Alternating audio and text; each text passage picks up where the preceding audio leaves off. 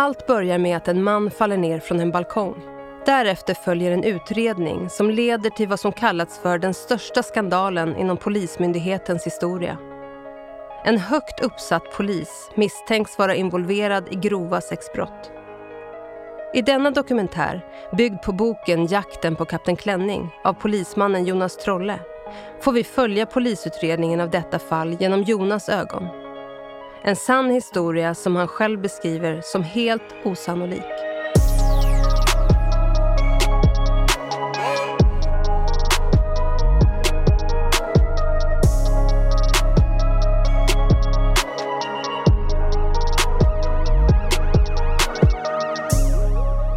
I juli 2009 berättar Karin för sin pojkvän Jussi att hon sålt sex till en man i 60-årsåldern. Kenneth, som vi kan kalla mannen, har utsatt henne för omfattande övergrepp, många gånger i grupp tillsammans med flera andra män. Kenneth har sålt Karin till dem. Jussi blir förbannad och bestämmer sig för att skipa någon form av rättvisa.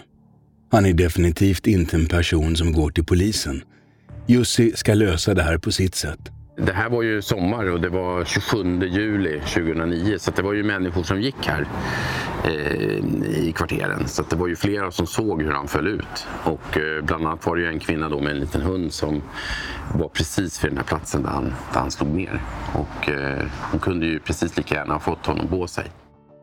Chockerade grannar springer ut på gatan och rusar ut på sina balkonger. En man har fallit från sjätte våningen i ett hus i Stockholmsförorten Bredäng. När han påträffas på marken klockan halv sju är han död. Den här mannen han hade då enligt vittnesuppgifter varit eh, uppe vid en lägenhet och hängt utanför vid ett balkongräcke och sen hade han eh, farit ner och ganska fort så kunde polisen komma upp till den här lägenheten, eh, lokalisera rätt dörr uppe på våningsplanet och så kom han in då och eh, där inne så befann det sig tre personer. Och de här tre personerna de bekräftade ju att den här nu döde mannen hade varit inne i lägenheten. De blir gripna ganska fort för man ser ju att det har varit någon form av strid inne i lägenheten. Eh, bland annat är det en stol som står uppställd och det ser ut som att någon har varit eh, fjättrad vid den här stolen och det är blod i lägenheten. Eh, och de här tre personerna har inte heller en helt samstämmig eh, berättelse om vad det är som har hänt. Så att det blev ju en ganska snabbt. Eh, jag har i efterhand också pratat med någon av de poliserna som faktiskt var i lägenheten. Det blev en sån där att nej men vi får ju ta med alla och eh, alla är misstänkta för eh, mord alternativt dråp och sen såklart olika former av medhjälp. Det, det var liksom ingångsvärdet. Utredningen den påbörjas och eh, det blir en, en utredning då gällande mord alternativt dråp och den eh, den eh, tuffar på där under eh, augusti, september månad och sen så blir jag då kontaktad någon gång på hösten och jag minns inte riktigt nu när det var. Och eh, då blir jag kontaktad utav en av utredarna, Lilian, som jag känner sedan tidigare och då berättar hon om att, att det här har hänt. Och så berättar hon också att den här mannen då som var en person som han hörde liksom inte samman med de här, med de här tre i lägenheten. Den här mannen han var en, en 55-årig man med god ekonomi. Och de här andra tre var eh, yngre och eh, i alla fall två av dem var yngre och eh, den ena flick, kvinnan här då, den yngre kvinnan, hon hade, hon hade försörjt sig genom prostitution. Och eh, då visade det sig att den här mannen, han hade varit hennes kund. Och han hade också bidragit till att sälja henne till andra män. Och han hade deltagit i olika typer av sexträffar med henne tillsammans med andra män och andra kvinnor och att han hade haft en förkärlek för sexualsadistiskt våld. Eh, och, och, den här berättelsen fick jag då av Lilian. Och jag jobbade med människohandelsbrott vid den här tidpunkten. Och, och, och tyckte väl kanske att det, det, var intressant men samtidigt var det så att den enda då som man i det här läget skulle kunna misstänka det var ju den nu döde mannen. Och sen hade man visserligen vittnesuppgifter från den här yngre kvinnan. Men hur ska man kunna dra i allt det där? I den döde mannens mobiltelefon finns flera kontakter. Bland annat en flicka vars sms-konversationer med mannen gör henne intressant för polisen. När hon identifieras via telefon så blir hon ännu mer intressant och hon kallas därför in till förhör. Och hon, vi visste ju inte riktigt vem hon var när hon, när hon skulle komma. Och det, och det, det visar sig att det här, hon som kommer är ju ett barn. Hon, hon, hon är ett barn. Och hon vidimerar ju, hon bekräftar ju att hon också har träffat den här, den här mannen. Och hon berättar att hon har sålts på ungefär samma sätt som kvinnan i lägenheten, den unga kvinnan i lägenheten. Och hon, hon har en, en lång eh, berättelse om, om de här åren där hon har haft en, en samvaro med den här mannen på, på det, med det upplägget och också hur hon har utnyttjats och sålts och, och så vidare. Och hon berättar också om flera andra händelser där hon har varit med då eh, och eh, utsatts utav, utav ytterligare män. Och eh, hon gör det här på ett, ett väldigt trovärdigt och bra sätt. Och, och, det gör ju också att den första kvinnans berättelse om, om, om bakgrunden till varför hon ändå hamnade i det som var och varför den här mannen... Den blir ju, liksom, den blir ju starkare. Och eh, vi kände att här, här, här är vi någonting på spåren. Här finns det någonting mer att dra i. Och sen så säger hon ju någonting som är eh, väldigt eh, svårt att, att, att komma runt. Så man måste liksom dra i med. Och det, för det, det hon säger är att hon vid, vid ett tillfälle då har stött på en av de här kunderna som var förmedlade genom den 55-åriga döde mannen. Den mannen lär då ska vara en högt uppsatt polischef. När Jonas och hans kollega Ingmarie får höra detta blir de först inte chockade.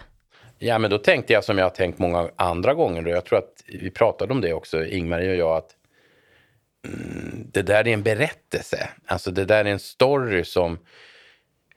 I fiktionen så finns det mycket kring högt uppsatta tjänstepersoner och politiker och poliser eller ja, vad det nu är, som gör sig skyldiga till brott och övergrepp. Eh, och att det, är liksom en, det blir en spännande twist i en, infektions, in, i fiktion. Men här... Och vi hade hört det många gånger också i, i, i, i såna här ärenden eller i andra polisärenden också. Att man, när man ska berätta sin berättelse som målsägande så, så är det på något vis som att mycket kan ha hänt men så kanske man till och med man, man på ett eller annat sätt vill stärka sin berättelse också. Och göra den mer, eh, liksom verkligen inskärpa vikten av att nu måste ni lyssna och det här är något stort och så. Så att vi var väl båda två lite sådär att ja, det kanske är något sånt liksom. Vi var lite osäkra. Mm. För det är ju också ett risktagande. Om vi säger nu att det hade varit en högt uppsatt polischef. Ja, hur hittar man, hur hittar man den personen? För att hon beskriver att det här ska vara en man som hon då inte har sett. Hon har ju haft sex med honom, hon har haft ögonbindel. Mannen är kraftigt byggd. Han är någonstans mellan 50 och 60 år. Och eh, han är då chef. Och jag menar, tjocka poliser mellan 50 och 60 år, det finns ju, det finns ju 13 på dussinet. Så hur hittar man det? Och vad är en polischef? Alltså du måste ju nästan börja där. Vad är hennes uppfattning vad är en polischef? Och vad är, vad är min uppfattning som tar emot den här, det här beskedet om den högt uppsatta polisen? Vad, vad, är det? Och det kan vara allt från en gruppchef till en rikspolischef då. Va? Så det där var, ja hur hittar vi den här personen? Och kan det verkligen stämma? Än så länge är det omöjligt att veta om denna historia är sann och i så fall vem det skulle kunna handla om. Men det finns en avgörande detalj som offret glömmer nämna under själva förhöret. Då var det så här att hon, hon, hon kunde inte där och då komma på, och det tyckte jag det var något som var unikt med den här personen, med den här, den här målsägaren. För hon, hon sa det hon kunde komma ihåg. Hon var liksom inte, för det, för det är också en klurig grej när man håller förhör. att en person som du håller förhör med, som du interagerar med i en intervjusituation eller en förhörssituation. Alltså vi, vi människor är ju sociala varelser och vi tenderar ju att vilja eh, ge varandra en, eh, liksom en interaktion som, som gör att den, den ska klicka i varann. Och det där måste man vara otroligt vaksam på när man håller förhör också. Att Alltså, vill den här personen vara förhörsledaren till lags och vill den här förhörsledaren vara förhörspersonen till lags och, och hur funkar den här interaktionen och vad är liksom kemin i rummet?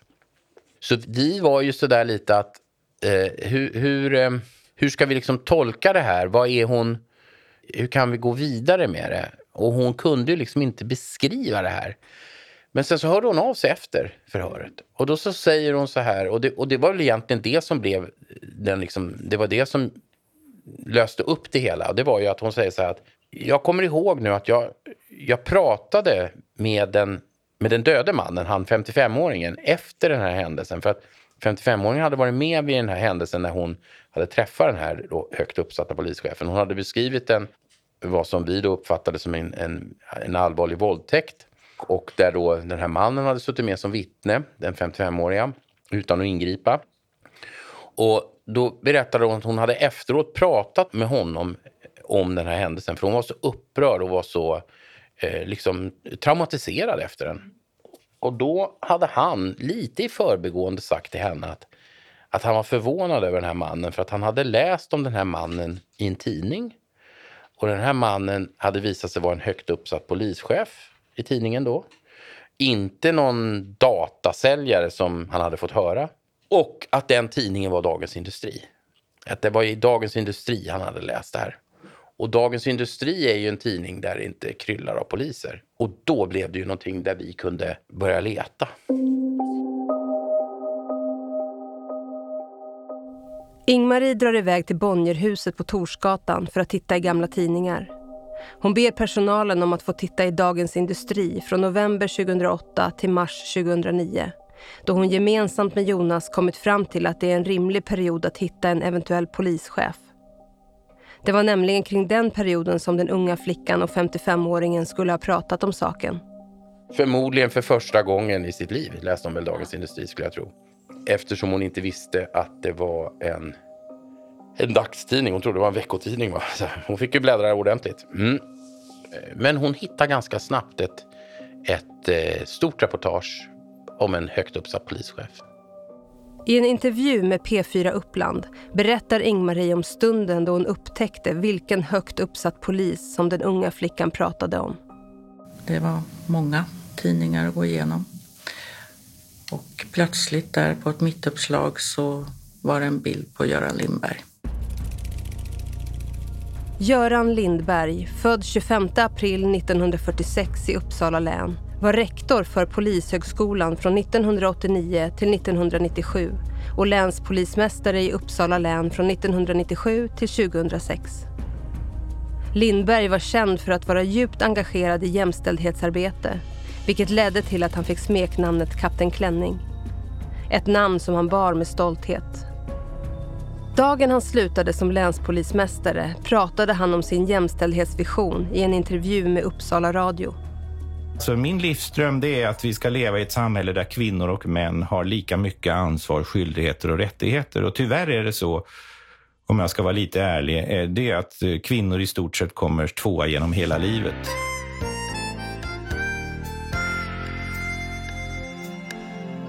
Vad tänkte du när du såg Göran Lindberg där i tidningen? Hajade du till på en gång att kan det vara honom? Ja, det gjorde jag. Um, jag har tänkt mycket på det där hur jag reagerade själv och eftersom jag hade haft den här uppmärksammade utredningen innan så kändes det mest som att nu drar karusellen igång igen. Och um, han föreläste ju och, och, och pratade mycket om kvinnor och precis som de säger att pedofiler söker sig till dagis och idrottsklubbar och så vidare så ja, det var, kändes ju inte omöjligt. Det var dessutom ett reportage som då tog upp hans arbete för jämställdhet, etik och moral inom svensk polis och hur han som, eh, som representant för, för liksom män och högt uppsatta chefer i staten och i polisen hade kämpat hårt för det här. Så det var ett, ett slags eh, porträtt i tidningen. Eh, nej, men då börjar man ju tänka att kan det vara möjligt att, att en person som är så profilerad i i de här frågorna och som har gjort så mycket i det här. Kan det vara möjligt att, att den personen också eh, har en, en, ja, någon slags dubbelliv eller liksom en, en sån här... Ja, det är klart att det kan vara möjligt, men det är som jag brukar säga om den här händelsen i, i Knutby eh, som var några år tidigare med en, med en pastor som, som anstiftar mordet och mordförsöket på sin på sin fru och sin älskarinnas man. Det är ju en historia, den hade ju aldrig funkat i en bok. Liksom. Och det var lite samma med det här. Det här hade ju inte, det här kändes inte trovärdigt. Liksom. Hade vi inte fått det här genombrottet med tidningen, ja men då hade vi liksom inte, då, då, då, då skulle jag nog säga idag att vi hade inte kunnat komma vidare i det. För att, för att det, hade, det hade varit för snårigt. För att det var också så att den här händelsen som hon beskrev var ju en händelse som hade inträffat tio månader tidigare. I en lägenhet som hon åtminstone initialt inte kunde peka ut. Och liksom förutsättningarna för teknisk bevisning på en plats som är liksom utstädad och det är nya hyresgäster och massa sådana här saker, de är dåliga. Teknisk bevisning, ja kanske att någon, man kanske kunde binda någon till platsen men det förutsätter att det finns en, en telefon som inte är en kontantkortstelefon utan registrerad ägare. Eh, vi har ju inga vittnesuppgifter från den här mannen eftersom han, han är ju död. Och hennes berättelse och en eventuell skadebild hade ju heller inte gått att liksom använda eftersom det var så långt tillbaka i tiden. Så att i det här läget så har vi då en berättelse om en högt uppsatt polischef och ja, det finns en artikel om en högt uppsatt polischef i en i en tidning som heter Dagens Industri och, och, och som jag sa tidigare, det kryllar inte av det. Men, men fortfarande så är vi är vi ju långt ifrån att liksom kunna säga att, att det här skulle kunna ha hänt.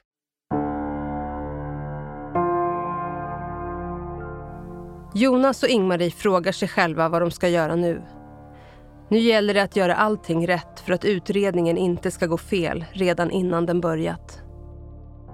Polisen är ju så organiserad och, och det är ju någonting som jag tror att många inte riktigt eh, känner till. Men det finns en enhet inom polisen som utreder polisbrott, alltså brott som poliser gör sig skyldiga till, eller personer i rättsväsendet. Men den är ju skild från polisen i övrigt. Och eh, så att det vi är skyldiga att göra vid den här tidpunkten, eller det jag är skyldig att göra vid den här tidpunkten, det är ju att jag ska rapportera det här till en, som det står då i vår instruktion, till, till förman, alltså till, till det, och i det här fallet då den personen, de personerna som jobbar med internutredningsverksamheten. Och det gjorde vi på eftermiddagen. Det här var ju någon gång vid lunch, så vi, vi, vi for ju iväg till dem direkt. Och de kunde sen fatta ett beslut om att gå vidare. Så att det finns en rågång där, att man kan inte bara sätta igång eh, som man tänker sig att ja, nu har vi hittat någonting på spåren eh, och, och, och, nu, och nu gör vi någonting här och, och sen får vi se vart vi kommer. Utan, eh, och det är ju för att du ska ha den här extra, liksom, mm, ska säga, du ska ha den här extra kollen på de här processerna. Och sen är det också så att en åklagare ska ju så fort det bara kan eh, ske så ska ju en åklagare sättas in i det här. Så att de här utredningarna de är ju generellt sett väldigt de är ganska omfattande och de är också väldigt omfattande när det, när det handlar om en misstankegrad som ligger väldigt lågt. Eller också när det handlar om förseelser som är kanske i andra fall ganska ringa. Mm. Med den här internutredningens välsignelse då så fick jag och Immi möjlighet att fortsätta. Och det handlade nog väldigt mycket om att det man gör på den här typen av utredningsenheter, det är ju att man, man jobbar med saker som som, det, det kanske är ett skeende. Det är en, en, ett felsteg som en polis har gjort eller ett brott som man kan misstänkas för och så vidare.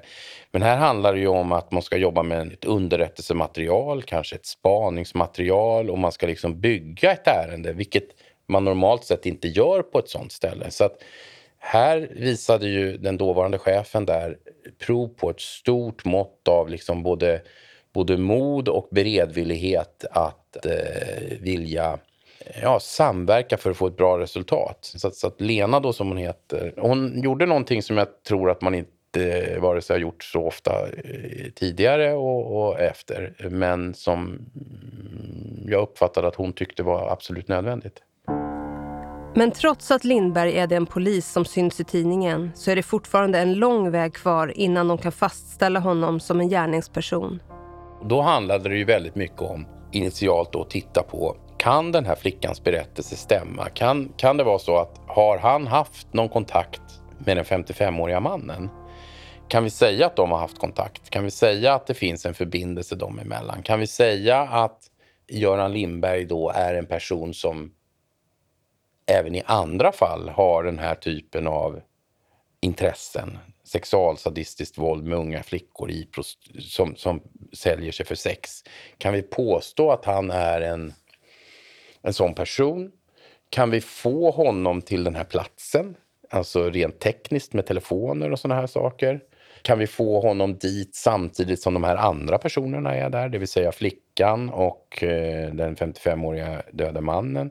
Alltså det, det handlar om att göra en ganska omfattande kartläggning kring det här innan man liksom kan gå vidare. Och, och får man check i de här boxarna, får man check till att de faktiskt har haft kontakt, att vi kan bevisa att det finns en sån kontakt eller åtminstone utesluta andra möjligheter och att han kan ha varit där och så vidare, ja, då kommer vi mycket närmare. Sen är det ju så att själva händelsen inne i, i lägenheten, ja, den, där, är det hennes, där kommer det vara hennes berättelse mot hans berättelse eftersom vittnet är död, det finns ingen teknisk bevisning. Och då, då blir det en trovärdighetsfråga för en framtida domstol att bedöma det här.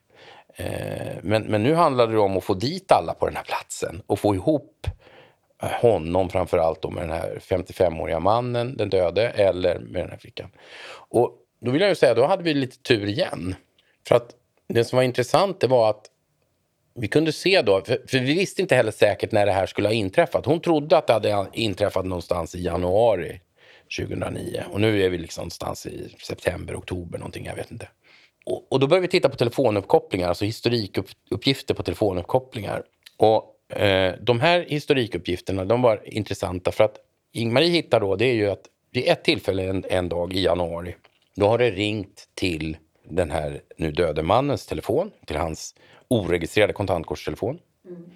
Det har ringt till honom från en, ett nummer som för oss var väldigt välbekant. För på den här tiden så hade polisen i Stockholm ett växelnummer som hette 08401 och sen var det en fyrsiffrig anknytning.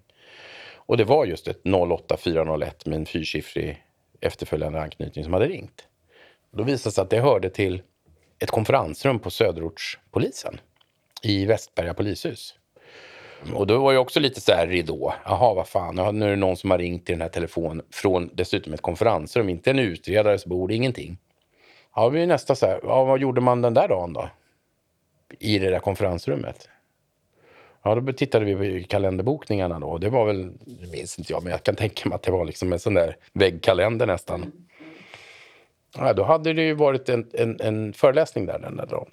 För, eh, vill jag minnas, det kvinnliga nätverket på, väst, eh, på, i Söderort. Och huvudtalare på den föreläsningen var Göran Lindberg. Så att någon gång under den där dagen när han är där och föreläser, i någon paus eller någonting, så har han ringt då två gånger från det här 08401-numret till den den nu döde mannen. Jonas finner det inte vara en alltför vågad gissning att Lindberg skulle ha varit den som ringt detta samtal. Det kan dock inte veta säkert att det är just han. Hur uppseendeväckande vore det inte om Lindberg från polishuset ringt en person som bedriver en hallickverksamhet där folk har sex med unga flickor och att detta dessutom ska ha skett på arbetstid. De fortsätter titta på de kontakter som ringt runt samma datum. För, för det som är intressant sen, det är ju att sen tittar man på telefonuppkopplingarna efter där. Och då dyker det upp då ett oregistrerat kontantkortsnummer som ringer flera gånger till den här mannen. Och eh, man ser att de här telefonerna då liksom har en, en, en, en kontakt med varandra. Då tänker, tänker man ju då som polis här, okej okay, den här kontantkortstelefonen, vem, kan, i vems ficka eller mot vems öra kan vi positionera den? Då upptäckte vi då att den här telefonen den var fortfarande i bruk det här telefonnumret. Mm. Och att det telefonnumret också hade en telefonsvarare knutet till sig. Och när man ringde på den här telefonsvararen så var det en person som hette Peter som svarade. Och den här Peter hade en röst som jag som hade hört Göran några gånger prata och även Ingmarie tyckte ja, det skulle kunna vara Görans röst, men det var inte säkert. Så det intressanta blev ju nu då att se, hade Göran själv någon registrerad telefon och det hade han ju. Han hade ju en telefon som han hade fått av Polismyndigheten. Så att vi jämförde de två telefonerna med varandra. Alltså den här oregistrerade kontantkortstelefonen och hans officiella telefon. Då såg vi ju att de telefonerna, de låg ju i samma ficka. De telefonerna följde varandra, hade, gjorde vid den här tidpunkten när det här misstänkta brottet då hade inträffat och gjorde ju fortsatt så även hösten 2009 de gick ju med varandra hela tiden. Kopplade upp mot samma basstationer, kopplade upp samma samtidigt på morgnarna. När, för, för telefoner de pratar ju hela tiden med basstationerna. Så att, så att det Göran Lindberg gjorde så som så oerhört många andra liksom busar gör, det är ju att inte sköta sin telefonhygien. För att det är nästan alltid när man tittar på domar och såna här saker så är det, det, det faller ju liksom på telefonhygienen. Att man inte, om, man, om man nu ska hålla på med sånt här, då, då ska man ju se till att, att hålla det här med telefonerna. Jag minns så väl, 96 någon gång tror jag det var, så tittade jag och en, en kollega, Morgan, som för övrigt är med i det här ärendet många, många år senare. Då läste vi en dom i ett ärende där vi hade blivit utlånade till, till span för att vara med i ett spaningsärende. Då, då läste vi en dom där, det var en av de första domarna vi hade läst i alla fall, där man som gärningsperson åkte på det här med att telefonuppkopplingarna fanns på ett visst ställe. Och då vet jag att vi sa det, både han och jag, till varandra. Att, ja, det här var ju det var ju synd att det kom med i domen, för det här kommer ju ingen göra igen, sa vi då. För, för, eh, för över 25 år sedan. att Ja, titta nu står det ju i domen. Nu kommer ju alla fatta att telefonen kan man ju inte ha med sig. Och när man tittar liksom bakåt i tiden och ända fram till idag så är ju telefonerna enormt, enormt viktiga. Nu känner Jonas att de börjar komma närmare. De har hittat Lindbergs så kallade snusklur och avslöjat att det alias han använder är Peter. Och då ska man växla upp det här ännu mer och det var ju åklagaren helt inne på. Då ska man ju då titta på, okej, okay, nu har vi kommit hit. Vi har satt ihop telefonerna, vi kan binda honom till den här personen. Åtminstone är det osannolikt att någon annan har ringt från den här, den här, den här nätverksträffen. I, och vi kan liksom positionera den och vi kan positionera den ihop. Man. Och då blir ju nästa grej då att, ja okej, okay, då kanske det är läge nu att börja titta på honom för att se hans övriga liv. Alltså nu handlar det om att börja, börja se hur ligger det till idag och hur lever han? För att ytterligare stärka upp den här berättelsen som inte kommer kunna ha någon teknisk bevisning och som inte kommer kunna ha någon annan vittnesmål egentligen än, än, än, än flickans egna berättelse. Alltså att, att, att om, du, om, man tänker sig förundersökningen här att du har två parter som sitter på en gungbräda. Nu var ju Göran Lindberg en stor man, så att han var ju liksom, han var ju inte uppe i luften. Han, han satt ju tryggt på backen liksom, men nu handlade det om liksom att få upp en, en jämlikhet här, alltså att tynga ner åt andra hållet. Det är, det är en ganska intressant, liksom, eller det är en ganska bra jämförelse. Att nu handlar det om att göra dem mer jämbördiga. Så från början så är ju han så fast i backen och hon, har väldigt, hon flaxar i, i vinden och har inte chans att få det där att väga över. Och nu har det gått ett bra tag. Och det här är också en grej som jag tycker är intressant. Just det här när folk tittar på i, i, bakåt i förundersökningar. Jaha, ja, varför tar det tid? Ja, varför tar det tid? Varför, varför varför eh, fick ni inte fram vissa saker tidigare och så vidare? Ja, men den, den, enkla, den enkla svaret på det, det är ju det att inom polisen så jobbar man med flera saker parallellt. Och sen är det också så att när man gör olika utredningsåtgärder så ska det finnas folk. Och det ska vara rätt i tid och massa såna här saker. Och, och, det handlade om att vi skulle liksom ha en, en, en spaningsorganisation som fungerade och en utredningsorganisation som fungerade. För att om man inte har det, och det här är ju ett brott som så att säga, det är ju inte ett pågående brott i den meningen att det är, att vi, det är mitt uppe i någonting. Utan då, då, måste man också ha en viss planering och en viss jag ska säga, förberedelse för det här. Så att någon gång i december då så drar de här spaningarna och telefonavlyssningarna igång då på honom. Och då är det ju framför allt hans oregistrerade kontantkortstelefon som är intressant, men även hans görande på dagarna då så att säga. Snuskluren. Jag har under hösten 2009 en deltidstjänst på Polishögskolan och håller en tio dagars kurs i människohandelsbrott för poliser på vidareutbildning. Mitt tjänsterum ligger i samma byggnad som Lindbergs kontor. Immi, jag och Ingrid har bestämt att jag, eftersom jag ändå är på skolan då och då, ska ta reda på vilket slags bil Lindberg har. Jag hoppas att Lindberg ska dyka upp någon gång när det inte är så mycket bilar på gården så det ska gå att lista ut vilken som är hans. Han står registrerad som ägare till två Nissan King Cab pickuper. Men den ena tillhör hans gård i Vimmerby. En bäckmörk höstkväll sitter jag över och rättar prov. I mitt rum har jag bara skrivbordslampan tänd. Till höger finns en glasvägg ut mot pentrit och kaffeautomaten. Plötsligt känner jag mig iakttagen. Jag tittar upp och stirrar rätt in i ögonen på en man på andra sidan glaset. Det är Göran Lindberg. Han blänger på mig. Jag får hjärtklappning. Vet Lindberg att vi inlett en förundersökning mot honom? Jag lyckas klämma ur mig ett Hej. Han svarar och lommar sen iväg i mörkret. I handen bar han en svart bag. Jag stänger av datorn, kastar på mig kläderna och rusar ut i höstblåsten. Löven ligger i våta drivor på backen. Snabbt tar jag mig till min bil, startar och åker därifrån. I backspegeln ser jag hur det lyser bakom persiennerna på plan 3 i Lindbergs kontorsrum. Jag glömmer bort att kolla vilken bil som är Lindbergs. Det här var första delen av Jakten på Kapten Klänning. En dokumentärserie i tre delar baserad på Jonas Trolles bok med samma namn. Producerad av Johan Brännberg och Stray Dog Studios. Medverkande Jonas Trolle. Nyhetsinslagen kom från Sveriges Radio P4 Uppland från 23 juni 2010 och 22 januari 2014.